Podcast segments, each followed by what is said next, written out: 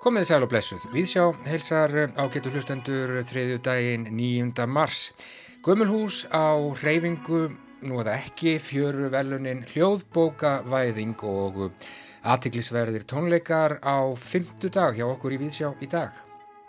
Við hugum í Viðsjá í dag að efnisgrá tónleikar Sinfoni hljómsættar Íslands á fymtudagskvöld og segjum frá fransku tónlistakoninu og tónsmiðnum Cecil Sjáminna en Emilia Rósefústóttir flautuleikari leikur einleik í verki hennar Concertino á tónleikunum. Á förstu dag þá byrtist í fréttablaðinu grein undir yfirskriftinni Musteri ástarinnar þarf að komast aftur heim. Greinin fjallar um hið sögufræga Dillons hús sem eitt sinn stóð á horni Söðurgötu og Tungötu en var flutt í árbæjarsam fyrir rúmlega hálfri öld. Höfundar greinarinnar vilja að húsið verði flutt á sinn upprunulega stað og nota nokkuð stór orð í sínum málflutningi, tala meðal annars um útlegðardóm, fórna á alltari blikkbeljunar og árbæjar gúlagið svo nokkuð sé nefnt, auk þess sem þeir rekja merka sögu húsins. Í viðsjá í dag þá ætlum við að huga að gömlum húsum og staðsetningum þeirra, hvar eiga þessi hús að vera og á yfir höfuð að vera að flytja þau og færa þau til. Við að ræða hér rétt á eftir við Magnús Skúlason, arkitekt og Óðin Jónsson, fyrirvandi fréttastjóru og útdagsmann við breyðum okkur niður í bæ, hér eftir fáein augnablík. Greta Sigriður Einarstóttir fjallar í pisli dagsins um hljóðbækur og streymisvæðingu menningar. Og fjöruvelunin þau koma við sögu í viðsjá í dag en þau voru afhendi í höfða í gerfið hátilega aðtöfna á alþjóðlegum baráttudegi Kvenna. Hlustendur heyra í dag brot úr við tölum við þá höfunda sem hlutu velunin fyrir bækur sínar í gerð. En fyrst leikur leiðin í miðborgina.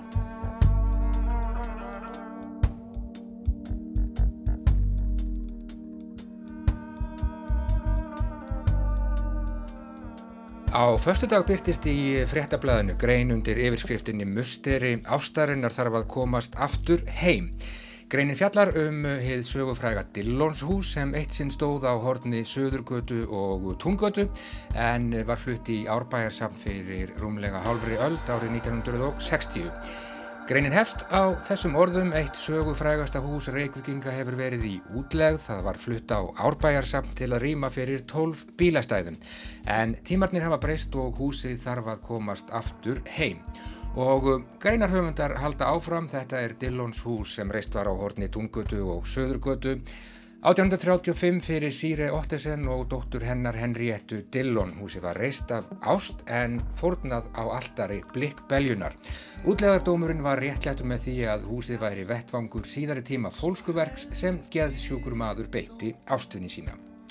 Höfundargreinarinnar sem byrtist í réttablaðinu á förstu dag eru þau Árni Snævar bladamadur, Gísli Marteit Baldursson sjónvarsmaður, Guðjón Fridriksson sagfræðingur, Kristinn Rapsson rittstjóri og um, Sif Sigmarsdóttir dálkahöfundur. Í greininni reykja þau merkilega sögu Dillonshús sem um, reist var af um, breskum aðalsmanni Artur Edmund Dennis Dillon. Húsið reisti hann af ást fyrir unnustu sína Sýre, Sigriði Elisabetu Þorkelsdóttur Bergmann og dóttur þeirra Henriettu Dillon Í húsinu var um tíma veitinga og gistiregstur, þar voru meðal annars haldinn svo kvölduð Píuböll, þar kom Jónas Hallgrímsson og þar hófst regstur fyrsta kvennaskólans á Íslandi svo nokkuð sé nefnt. Árið 1952 átti sér stað hörmulegur atburður í Dillons húsi þá myrti geðsjúkur Liv Sali eiginkonu sína og þrjú börn með eitri og svifti sig svo lífi. Í Dillonshúsi var sem sé bæði sorg og gleði, ást og dauði, húsið geymir sannlega merka sögu ásta og örlaga, musteri ástarinnar segja höfundar greinarinnar í fréttablaðinu. Og nú hefur Dillonshús verið sapngripur í rúmlega hálfa öld, greinar höfundar skrifa. Í fréttablaðið á förstu dag Dillonshús hefur verið sönn höfuð príði árbæjarsaps en það var ólíklegt eða að Sýri hafi nokkuð tíman komið þangað sapnið er tímaskekkja Nú þegar þétting byggðar er alfa og omega bæjarstjórnarpolitíkur Reykjavíkur og yrði flutningur þess táknum nýja tíma. Vonandi yrði flutningurinn aðeins tákgrænt upp af þess að bundin yrði endir á útleð sem flestra húsa í árbæjar gúlaginu og þau flutt á sinn upprunalega stað eða minnstakosti í túnið heima.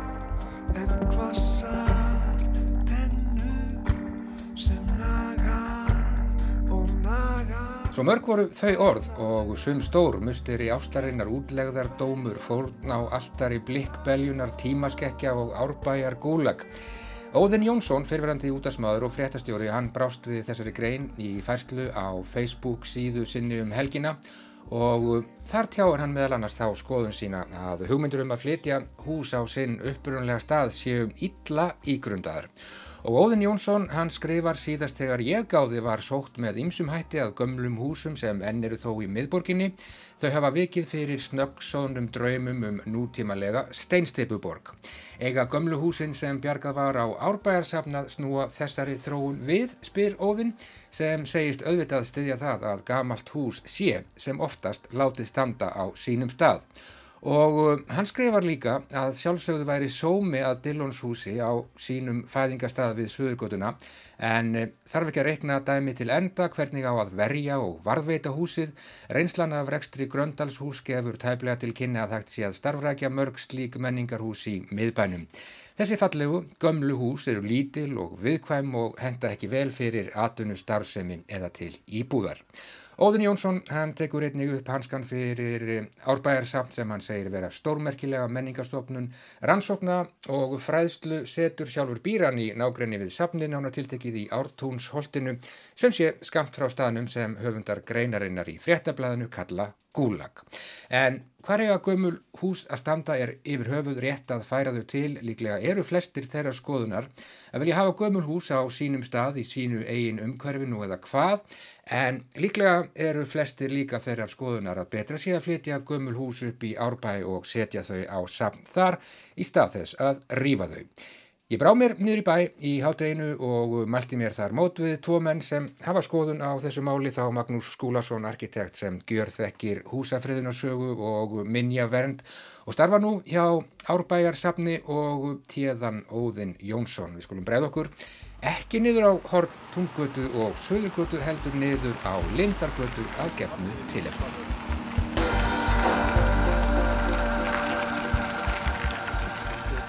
Já, ég komin hinga niður í eh, Lindargötu í miðborg Reykjavíkur í eh, blíðskaparveðri nú í, í hátteginu og mjög fallegri byrtu í stend hérna fyrir utan eh, já, franska spítalan sem að uh, fólk þekki nú kannski betur sem tónmentaskóla Reykjavíkur.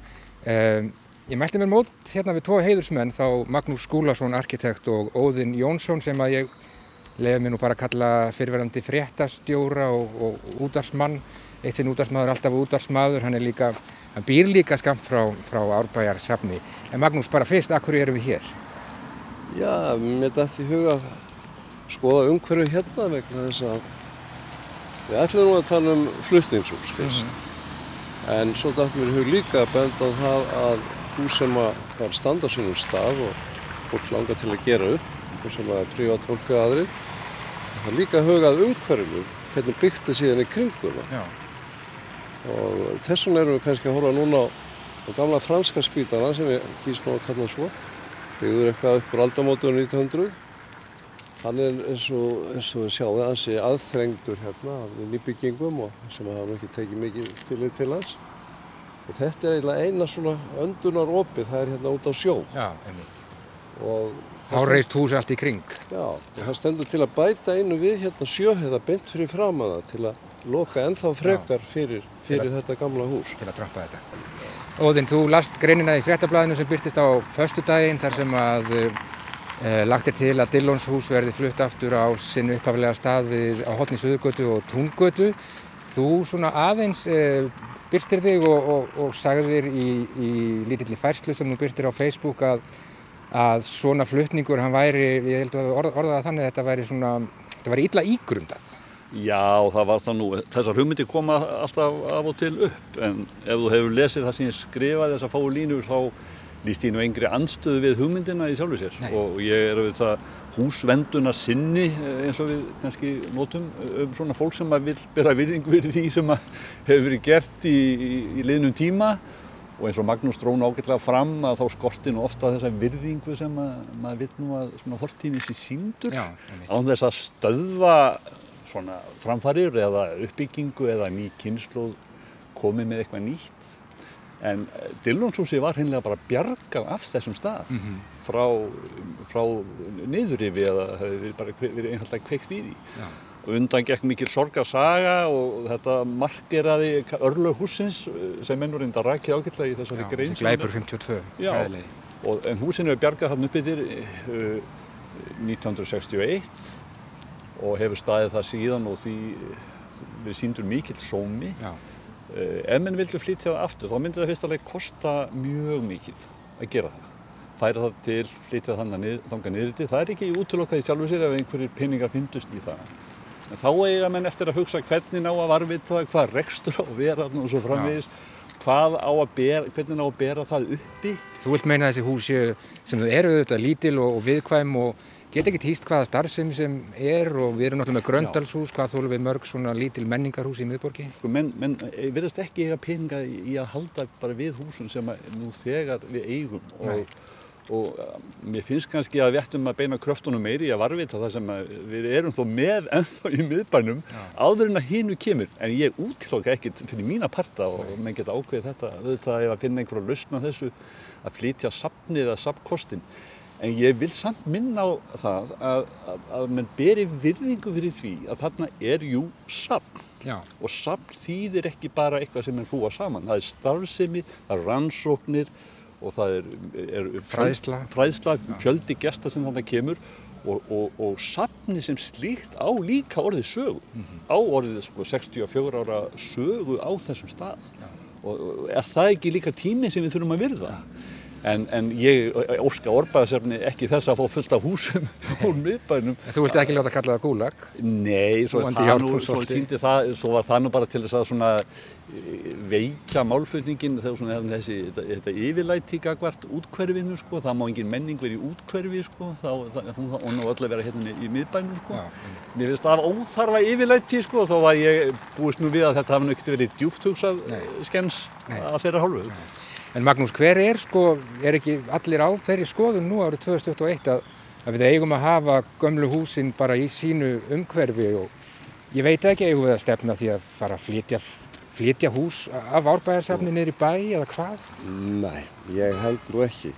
En eh, ég get tekið allt undir allt sem að Óðin saði hérna eins og bætið árbæðarsafn. Það hefur verið unnin mjög fín vinna þar, skráningavinna, húsvendunarvinna og þess aftar minni að veru Reykjavík átti þarna, hafði sitt aðsettur þarna.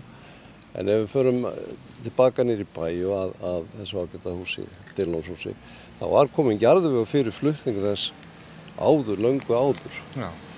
Þetta, þetta hörmulega slís varði ekki bara til þess að það var flutt. Það var komin stemning fyrir því, mhm. vikk út götur, gera bílastæði. Það var að gera samþýtt þetta 1960 í bæjarstjórnum það að þetta endur skoða miðbæðarskipulagi. Fórnað á alltaf í blikkbeljunar segja greinar höfundar í frettablaði. Þannig að, að það var komið jarðvegu fyrir að flytja þetta hús, það var, það var talið ónýtt.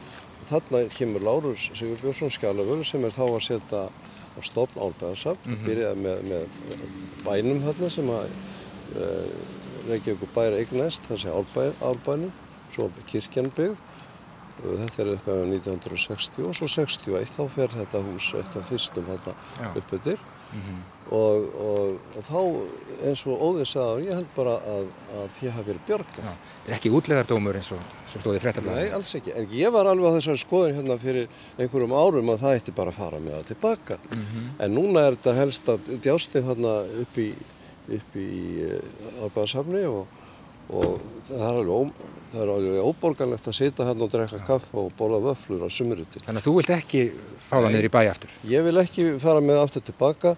Ég get hins vegar séð annað hús koma þarna. Þetta get bara verið fluttningslóð. Uh -huh. Bílastæðana er ekkert þarna að gera. Og við vorum nú saman einhver tíman að mótmæla fluttingi e, Gröndarshús. Heldur betur. E, við hlýðin á því húsi var annað hús, áður, krónuhúsið, uh mhm. -huh. sem var flutt upp, upp á Brókvörstu Það er búið að vera að flytja húsnáttúrulega sitt á pátum allan bæði. Það eru fluttningssvæði sem hafa verið búin til. Já. Þau eiga fyrst og fremst að fá að vera í friði á sínum stað. Já. En því miður þá, þá er bara alltaf það að gerast að hús eru að vikja. Skipulags ástæðum og, og ekki síst bara út af græðki. Já. Það er græðki sem er að...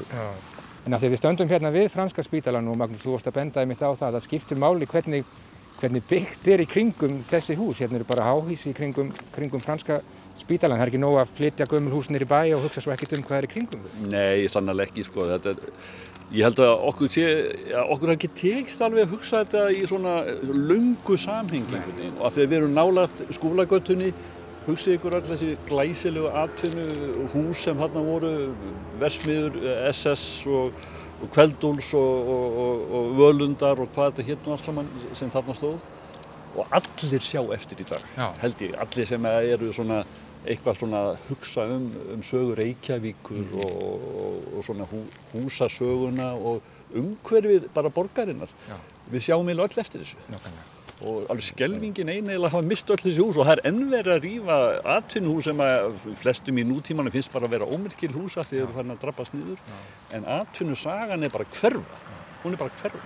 Af því að Óðin var að tala hérna um þessi slis sem svo sannlega hafa orðið og við höfum hort upp á er Eh, erum við farin að hugsa þetta nú að heilstækt núna? Nei, mér finnst það ekki. Mér finnst við að byggja einum og hátt alltaf stöðu og gleima því hvar mannlífið þrýst. Það þrýst í sól og, og, og skjól, ekki svo. Það samlast fólk saman. Þú talar um steinsteipuvæðingum miðborgarinn? Já, já, svo, svo þýðir ekki að taka einhver, svona, einhver, einhver eftir á köst og segja, heyrðu, já, við skulum bara finna einhver gömul hús annar staðar sem voru hér einhvern tíman og, og, og, og bera í bætifláka fyrir þessa stefni. Ég held að menn verður þá svolítið að standa bara með nútímanum og ja og byggja upp þá manniðskilir í borg eins og, eins og, eins og, eins og Magnús nefnir. Og, og ótal tækifæri til þess ennþá auðvita en, en ég tek alveg undir það. Við erum taldið röglega mjög afturhaldsamir ég vil ekki áhísi bara alla, allan hringin en, en það verður bara svo að vera. Mér finnst, ég tek undir það. Mér finnst allt og hátt byggt og einhvern veginn í stórum slurkum eins og þetta niður í niður í miðbæð, auðvitað vona maður að þetta fari vel, auðvitað vona maður að þetta verði grósku mikið mannlífi í kringum þetta En ég vinn nú hérna við Tryggvagötu og fennustandum um þetta svæði þar sem nýbyggingarna standa og ég er oftast einn á ferð sko. Já, já, já. En auðvitað er þetta ekki vennulegi tíma núna, ég viðkynna. Hmm. Gróskum mikið mannlíf, það er auðvitað það sem við viljum. Ég ætti að segja ykkur það að sko, þéttasta hverfi í Reykjavík eru þingkoltir. Þar eru húsinn yfirleitt eh, tveggja þryggja hæða. Og ég segi það í íbúabíð á aldrei að byggja hærra en, en þrjár hæðir til þess að sólinn komist niður og, og fólk geti verið úti. Nákvæmlega. Við skulum sjá til hvað verður um uh, Dillons hús uh, til efni þessa spjáls okkar hér á Lindargötunni í dag, þessi grein sem er byrtist í fréttablaðinu á förstu dag og þeir Óðun Jónsson og Magnús Skúlarsson bara á því að Dillons hús eigi að vera bara í friði upp á árbæjarsafni þar sé komin ákveðin saga sem að uh, hendar því bara ljómundi vel. Skulum sjá til hvað setur, ég ætla að fara að hlaupa ykkur í háttegismat. Takk fyrir spjallið Óður Jónsson og Magnús Skúlason. Takk.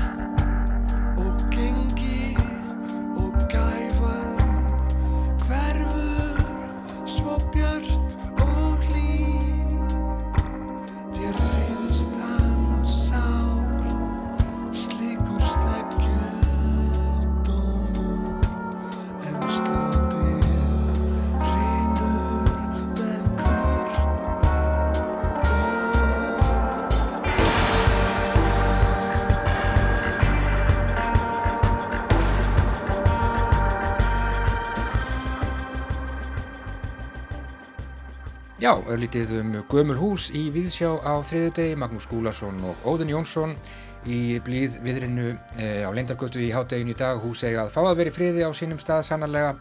Engin ástæð til að selflytja hús í stórum stíl úr árbæjarsafni til að koma þeim aftur heim.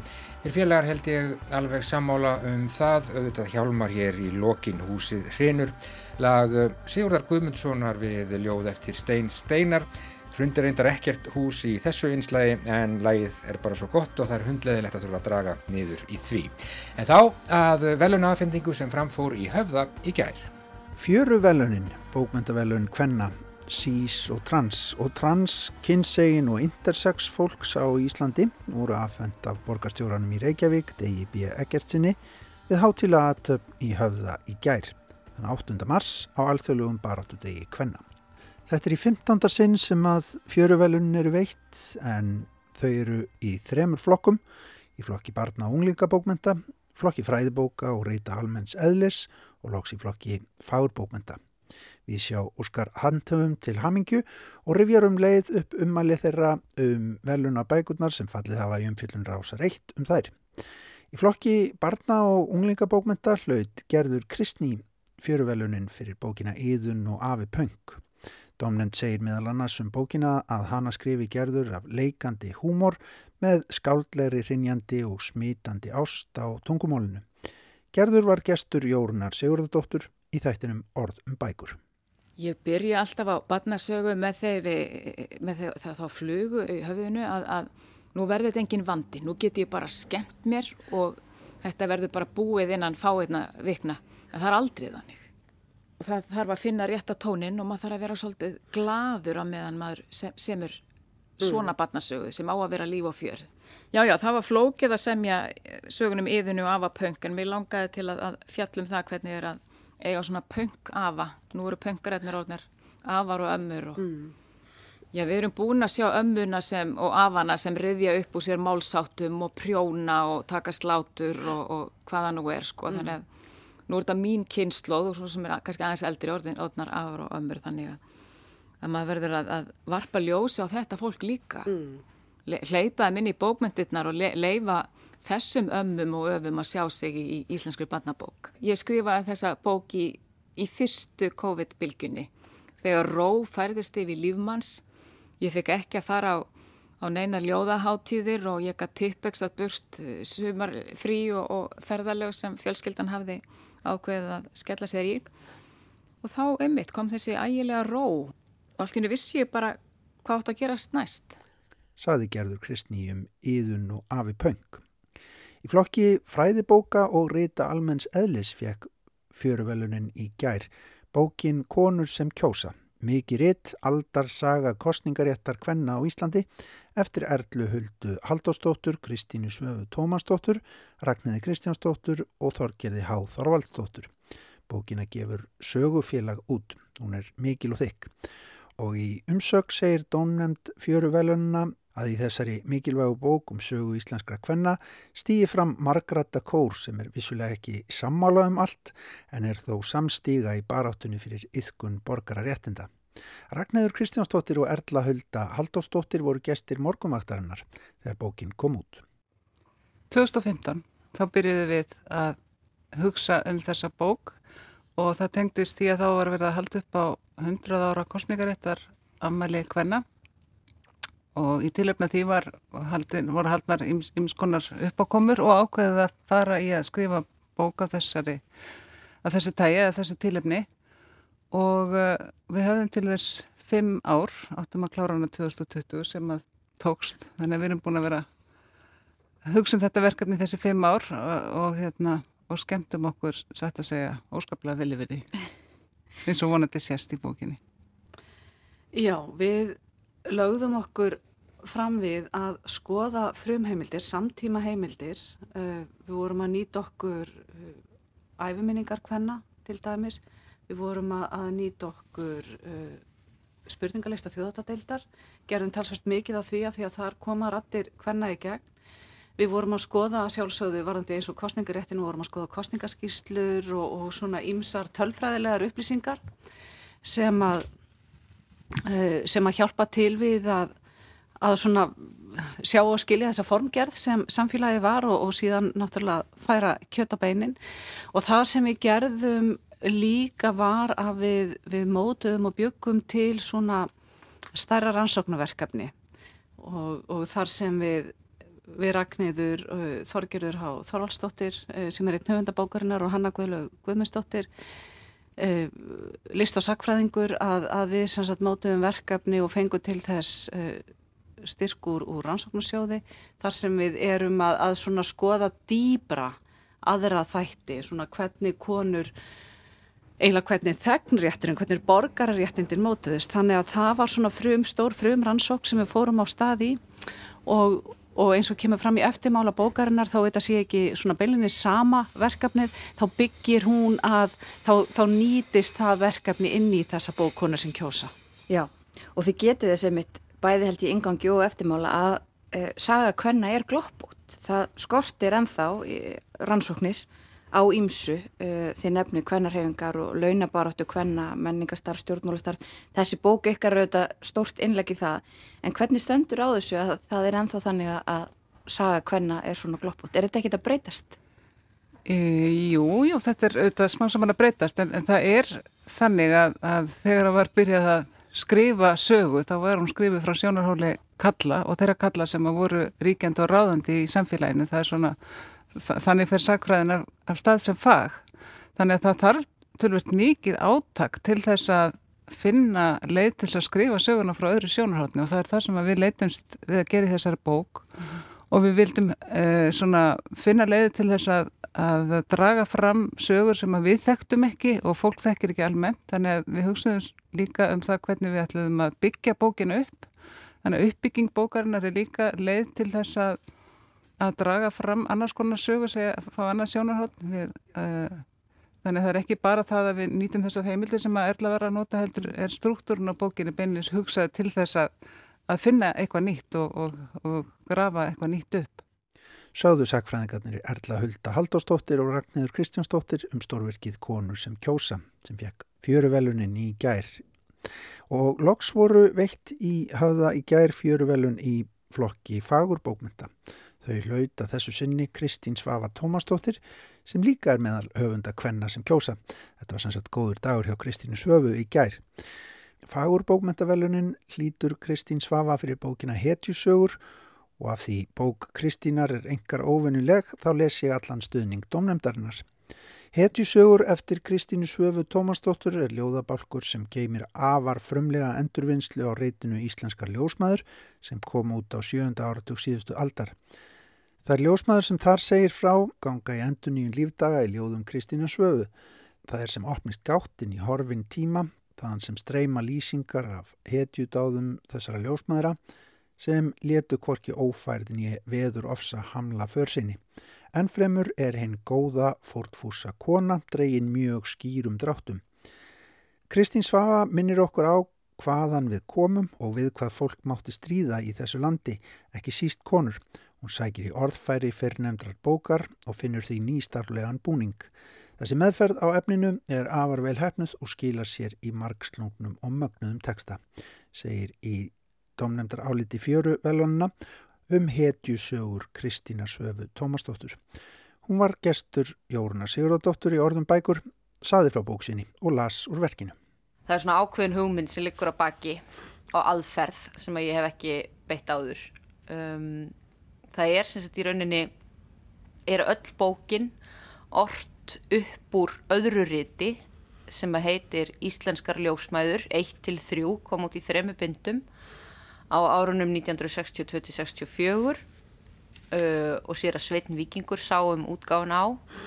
Og þetta er sem sagt sapn af æfi þáttum hundrað íslenskra ljósmaðra sem flestar voru að störfum á setni hluta 19. aldar og fyrir hluta 20. aldar stránti tekið á ég ekki neitt í þessum texta sem sagt ég ánáttúrulega samsetninguna ég fór bara í gegnum allar þessar bækur, þrjár þetta var verk sem ég þekkti mjög vel ég var búin að lesa sko oftar en einu sinni las það fyrst fyrir mörgum árum og var mjög hilluð og svo las ég það aftur fyrir kannski tveimur árum. Og þá svona byrjaði að kvikna þessi hugmyndum um að ég geti kannski unnið eitthvað með þetta. Og það var kannski skemmtlegt þannig að ég þekkti þetta vel fyrir en, en fór svo bara systematíst í gegnum bókina. Og þetta var ansi þetta var hansi mikil vinna, ég hef aldrei lagt svona mikla handavinnu í ljóðabók áður. Þannig að ég fór í gegnum alla bækurnar og uh, glósaði þær mjög vandlega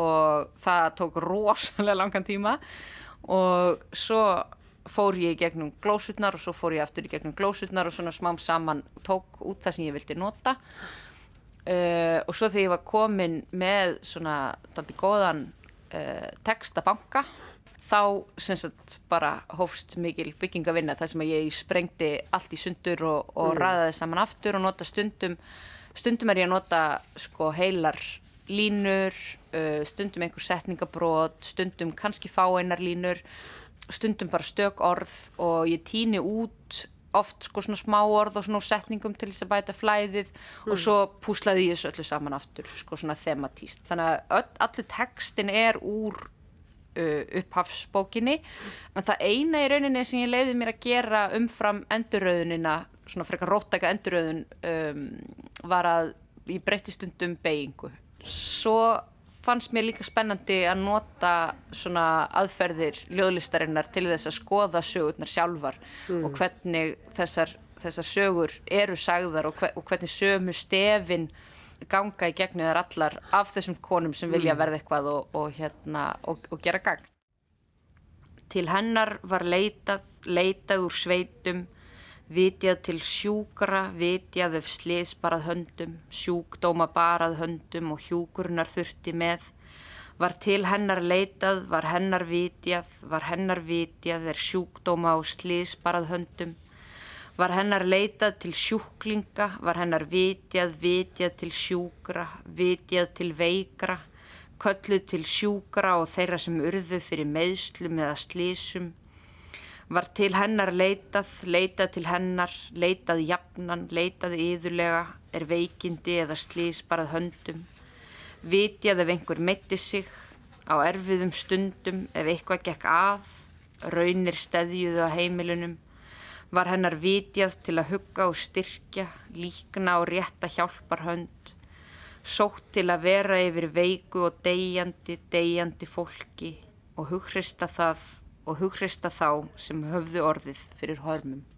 Kristín Svafa Tómasdóttir las úr hetjusögum sínum nýbakari verðlunabók Fjöru velununa. Við sjóskar handhöfum velununa innilega til hamingju. Þá hugum við að hljóðbókum og hljóðbókavæðingu hér í Víðsjá á þriðu deg. Næsta málendaskrá er Greta Sigriður Einarstóttir. Síðasta sumar bárust fréttir af því að bóksala hefði dreyist saman. Brottkvar ferðamanna spilaði þar stóra rullu En þegar miðstuð íslenskra bókmynda lit gera könnun á lestri Íslandinga kom í ljós að þvert á viðtekinn sannandi hefði lestur aukist.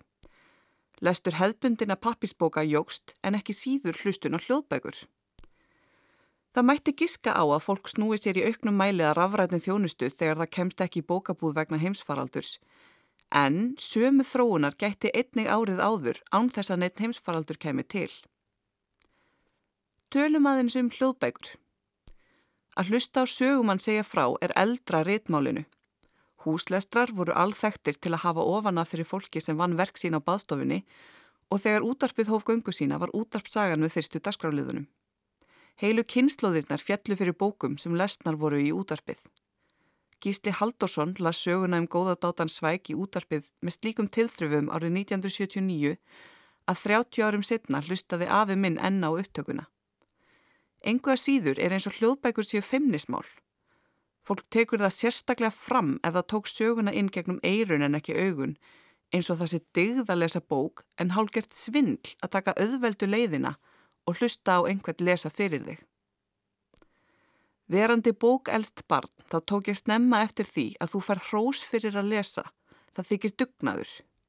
Í sumarvinu og bókasafni komst ég að því að þangað þóttu margir sem vildu gerðnan hlusta á hljóðbækur en útgafa var af skortnum skamti.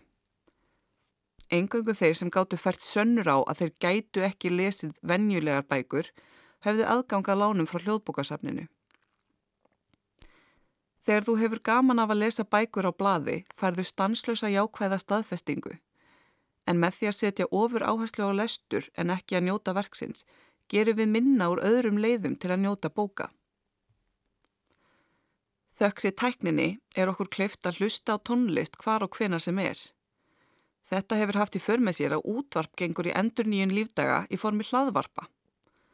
Hvort sem þú gæjist inn á vinnustadi, gengur niður laugavegin eða situr í strætó, er algengt að sjá fólk með heyrnartóli í eironum og hugan við hlustunina. Hljóðbækur eru góð hjálpartæki fyrir fólk sem á erfitt með lestur en þær henda líka fólki sem sér ágætlega og kýs frekar að hlusta. Sumum finnst þægilegt að lesa sögur af bladi menn aðrir kjósa að hlusta á þær og hafa jafnvel frjálsar hendur í önnur verk á meðan, líkt og í baðstofinni. Með því að viðurkenna að hvorugur hópurinn er rétt herri, duglegri eða virðingarverðari en hinn, getur við einbeitt okkur að jákvæði hliðinni. Neitendahópur skaldskapar og reytas fróðleiks er að stækka og eftirspurnin eftir bókum af hverskins tægi er að aukast. Eftir langa eigðimerkur göngu þar sem flestar frettir af bókaútgafi voru neikvæðar ættu allir sem unna bókum að fagna. Þó eru sumir bókaunandur sem hræðast tróunina. Þeir sem kjósa frekar að lesa bækur á pappir finnst undum að sér vegið. Ég get sjálf ekki að því gert að mig óarfið tilhugsuninni um að prentaðar bækur færi sömu leið og kassettur og vídeospólur.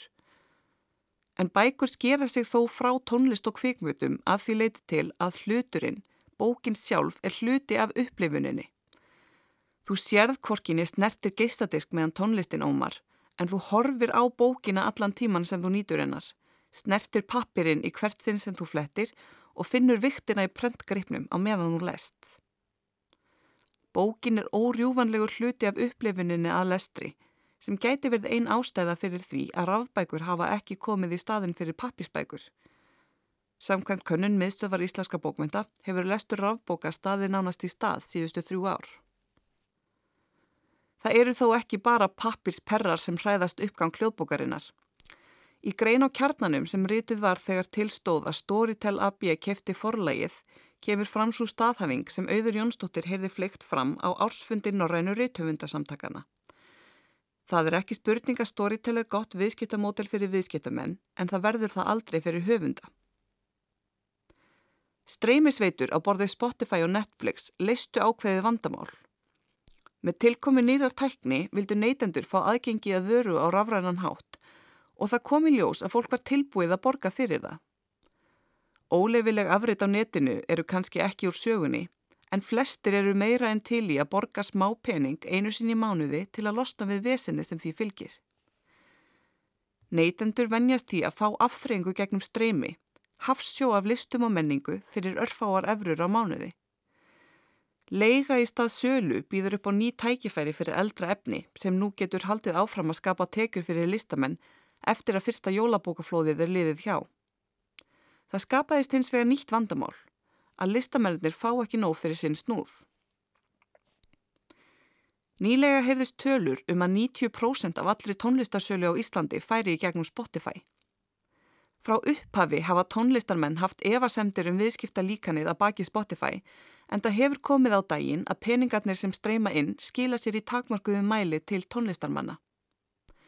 Þrátt fyrir að tónlistarsala á Íslandi næði hápunti í krónutölu í fyrra er hún að raunvirði ekki nema hálfdrættingur á við tónlistarsölu árið 1999 þegar salan náði hámarki.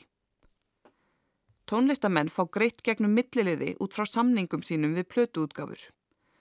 Spotify nýtir sér að einhverju leiti innbyrði samkeppni meðal tónlistarmanna til að koma fram við á ekki sem skjólstæðinga heldur viðskiptavinni. Tónlistamönnum býðst að gefa eftir hluta af greiðslunni sem þeir eiga inni fyrir hlustanir á verk sín til að gefa þeim auki færi á að komast inn á spilunarlista og ná þannig eirum fleiri hlustenda. Einfaldasta lausnin er kannski svo sem sumar hljóðbókarveitur fara að selja stakar bækur á svipuðu verði og þær prentuðu. Þá er þó annað vandamál til staðar. Það er auðveldar að selja fólki fasta hluti en rafræna. Þótt virðið sé fólkið í sögunni er eignin fólkin í blaðsíðunum og kápunni. Prentsvertan virðist mikilvægari en orðin sem hún myndar því hún er áþreifanleg. Vonandi er hægt að læra af streymisvæðingu annara listgrina og hægri þróun þeirra í rétta átt. Spotify hækkaði nýlega áskriftargjaldið að þjónustunni og samkvæmt framkvæmdastjóra félags íslenskra hljómplötu útgefenda á svo hækkun að skila sér að mestu leiti til rétthafa. Það veltur síðan á samningum við rétthafa hverði þeim greiðslum er skipt og þar stendur oft nýfurinn í kunni. Anna líki latriði er samkeppni á markaði. Michaela Cole, skapari sjónvastáttaraða á borðið Chewing Gum og nú nýlega I May Destroy You, gætt hafnað miljón dollara samning við Netflix þegar til stóð að hún fengi ekki að halda hluta af hugverkaréttinum. Hún leitaði þess á náðir BBC og þáttunum var síðan dreift á streymisveitinni HBO+. Til að forðast að falla í grifjur sem aðrar listgreinar eru enn að reyna að koma sér upp úr, þurfa samningar rítöfunda að endurspegla virðið í sögum sem ekki eru prentaðar á pappir. Það er svo ekki öll von úti fyrir unnendur pappirsbóka ef litið er til þróunar á menningarneslu með auknu streymi. Í nýlegri greinum Spotify sem byrtist á kjarnanum er bent á að samhliða aukningu í hlustun hefur komið kipur í sölu vínilplata. Hún er ekki á pari við það sem hún var þegar plötur voru eina leiðin til að hlusta á tónlist heima hjá sér en sínir þó að gæði í menningar upplifun skipta neytendur máli. Við vitum öll að það er virði í bókmentum á menningu en það sem reynist oft erfiðara er að setja verðmiða á þær. Á okkar tímum höfum við tækifæri til að gefa enn fleira fólki tækifæri til að auðga lífsitt, hvort sem það er með bókmentum eða afþreyingu, en á okkur kvílir líka svo ábyrð að byggja upp markas umhverfi sem er sangjant fyrir neytendur, skapara og þá sem miðla menningarefni. Já, Greta Sýrjur Einarstóttir og hljóðbóka væðingin, það er eh, sannarlega virði í menningu, það veitum við, en það eigað síður erfitt að setja verðmiða á hana.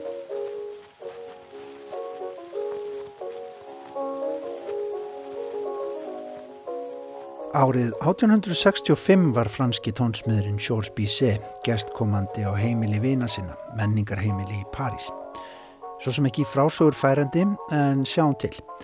Hann var þá orðin velþægtur í frönsku tónlistalífi, hafði unnið til Rómarvelunana eftir sóttu og frumsýnt óperuna um Perlukavarna, þó svo að allra frægasta verkans, óperan um Carmen, væri enn aðeins til í framtíðinni. Heimilið sem að Bíse heimsótti þennan dag var við Rue Croissant á vinstri bakkanum í París. Vinsæla götu þar sem byggu hjón sem að held út í mektar heimili. Fjölskyldufæðurinn veitti bresku tryggingarfyrirtæki fórustu en móðurinn var heimavinnandi en sá engum um tónlistaruppeldi barna sinna. Hún var áhuga píjánuleikari. Börnin voru sex talsins og tónlist var í háfu um höfð þarna á heimilinu innan ákveðina takmarkana þó. Tónlistin var indæl dagrastetting en ekkert mikið meir en það. Það minnst að kosti ekki í huga fjölskyldu föðusins.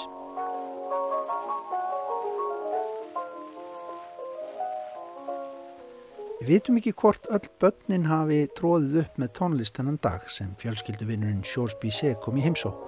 En það gerði að minnst að kosti þriðja barnið af sex, stúlkan Cécile Louise Stéphanie Chaminade. Þá 8 ára gömul, fætt 8. ágúst 1857.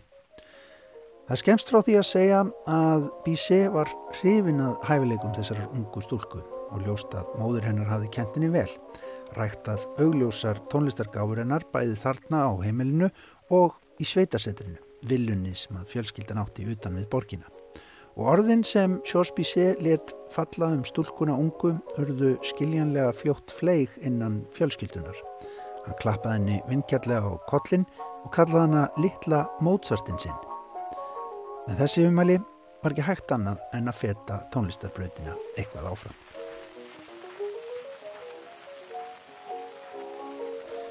Já, Cecil Chaminade helt áfram tónlistarmentun sinni og þá talsvert fram yfir það sem að heimilisfæðurinn taldi skinsanlagt. Kennararnir örðu fleiri en bara móðurinnar stundum jafnvel í leini, til dæmis þegar komað tónsmíðakenslu En hún var vist snemma byrjuð að setja saman tónlist, hún Cecil Chaminade. Saðan segir að hún hafi einmitt spilað eitthvað að henni fyrir Bizet. En þrátt fyrir mótbárur föðurennar náðist tónlistarferillin einhvað síður á talsvert flug. Átján ára var hún farin að halda ofinbera tónleika og samti píjánoverk og leta salonsöngva, tónlist sem hún fekk jafnvel útgefna. Við tóku tónleikaferðalögum Frakland og verkumennar var hampað við tónlistarháskólan í París, eina fremstu mentastofnun heims í tónlista á þessum tíma. Og loksarið 1892 hjælt hún sína fyrstu tónleika í Englandi við mikla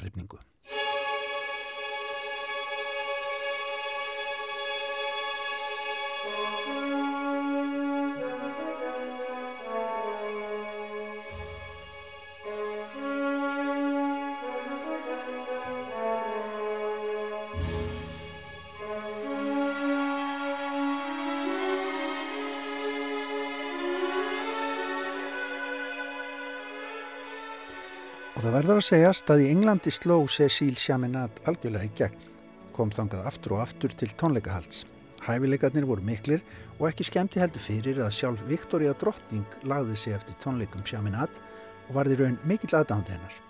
Síðar á æfinni átti Sjaminat eftir að rifja það upp að eftir eina ferðina til Bredlands, þegar hún var komin heim í húsi sitt í útkverfi Parísar, bara allt í einu að gardi glæsilegan hestvagn. Tveir menn, glæsilegir til fara, stig út úr honum með heljarmikinn pakka, skreittan allskynns miðum og innsiklum. Hún var hálf feiminn við að fara til dýra, skiljanlega, en í ljós kom að í pakkanum stóra var árituð mynd af sjálfri Englands drotningu, hvorki meira hann í minna, sem að útsendarar hennar hátegnar í sendiráðunni í París voru látni skjótast með.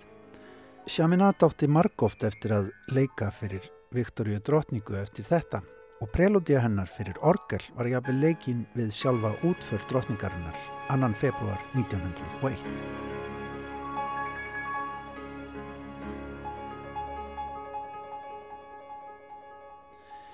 Eftir Cecil Chaminade liggja eitthvað um 400 verk en það má segja að stóran hluta 20. aldar hafi mörg þeirra leið í nokkrum dvala.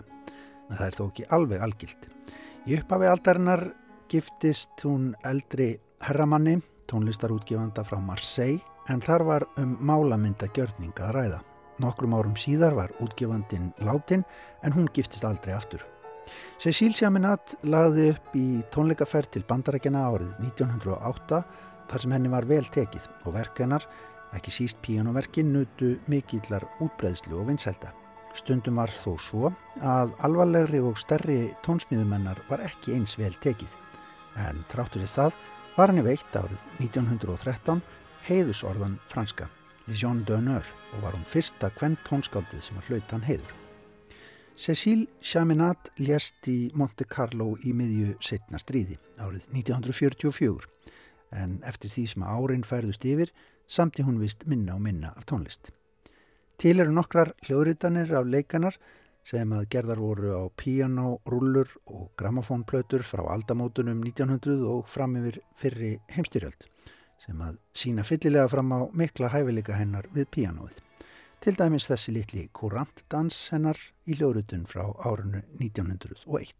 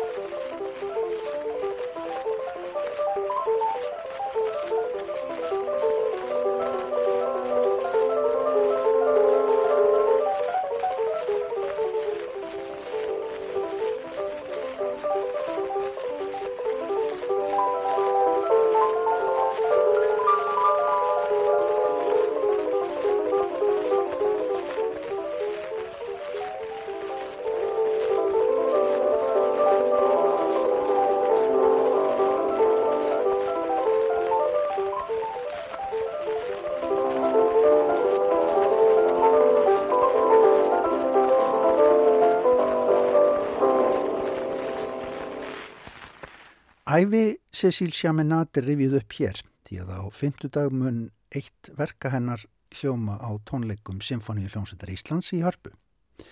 Á efniskráni það kvöld sem að Eyvind Ótland stjórnar verður fjóruða Symfónía Jóhannesar Brahms og líka tvö einlegsverk fyrir flautu sem Emilia Rós Sigfúsdóttir tekst á við sem einlegari.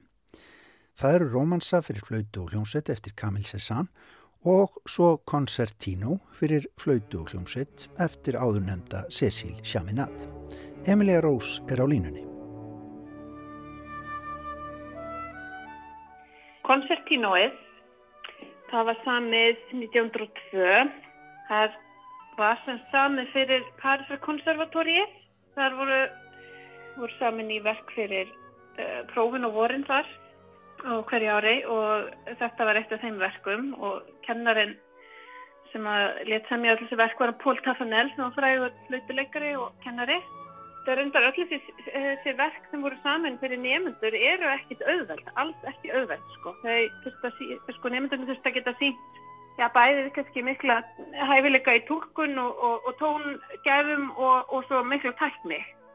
Þannig að þetta er ekkert, auðvart verk, en svo er önnur saga á bakvið verki og Það er svo að, að, hérna, að Sjaminat hafa átt elskuga sem var flautuleikar en hann eh, yfirgaf hana skyndilega og giftist annari konu.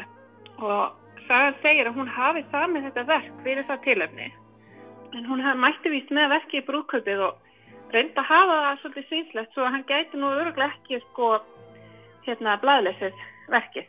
Já, þannig að það, er, það reynir á. Já, það reynir á og, en það er líka alveg ofsalega fallegt. Það eru mjög fallega laglínur, mjög grípandi, skulle við segja. Og eru svona, hvað maður getur sagt, ja, heitar tilfinningar í því, mjög heitar og svona grípandi laglínur og þannig að það er ekkit ólíklegt að, að sé einhverjum svona tilfinningar á bakvið þetta hjá henni, sko, romantíska tilfinningar. Er þetta verk sem allir, allir þurfa að kunna, flötuleikarar, eða hvernig er það? Er þetta, þetta verk sem hefur farið við það? Já, já, það er mikið spilað og, og mikið flutt og ég, ég hugsa að þetta er kannski ekki mjög oft flutt með hljómsveit en það var nefnilega uppilega að skrifa fyrir flöut og píón og svo útsetti sjaminata fyrir hljómsveit, flöut og hljómsveit. Þannig að það er oftast flutt með flöut og píónói. Setum maður sig í einhverja sérstakar svona stellingar fyrir, fyrir flutning á, á svona músik? Hvernig, hvernig undirbyrð þú þig til dæmis? Sko, ég svona fór inn í heim svona ímyndunanar og, og fór að bara búa til alls konar sögur í höfðun á mér fyrir þessi verk. Svona einhverja personur sem voru að tala saman og, og slíkt bara svona til að halda mér, halda mér við efnið og reyna að svona draga fram allt sem hægt var að draga fram svona til að gera það eins djúsi og hægt er. Þetta er eiginlega þannig tónlist. Flæðandi, romantíst, musikalst, allt saman. Þannig að það er gott að, að, að blanda ímyndunaraflinu aðeins inn í þetta. Já, algjörlega. Ég er svolítið döguleg í því, sko. Búti sögur og, og personur í verkonum sem ég er að flytja. Saði Emilia Rós Seyfúsdóttir, flautuleikari, sem að tekst á við koncertínu fyrir flautu og hljómsveit eftir Cecil Chaminade og Rómunsu fyrir flötu og hljómsveit eftir Kamil Sensan á tónleikum Symfóni hljómsveitar Íslands á fymtudag. Efniskráin geymir líka fjóruðu og síðustu symfóni Jóhannesar Brahms, Eyvind Óland, auðfúsu gestur til margra ára hjá hljómsveitinni stjórnar flutningi. Við bendum á tónleikana í hörpu á fymtudags kvöld á getur hlustendur klukkan 8 og jafnframt á beina útsendingu hér á Rás 1.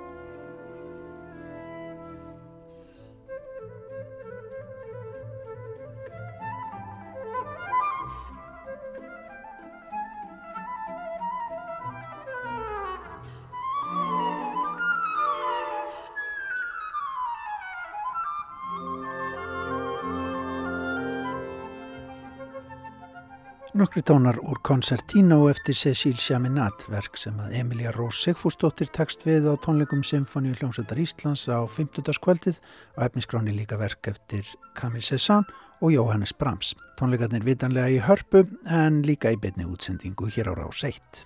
Og svona ljúkum við við sjá í dag, við sjá hér aftur á sínum stað á sínum tíma löst eftir klukkan fjögur á morgun. Takk fyrir samfélgina í dag kærlega, verðið sæl.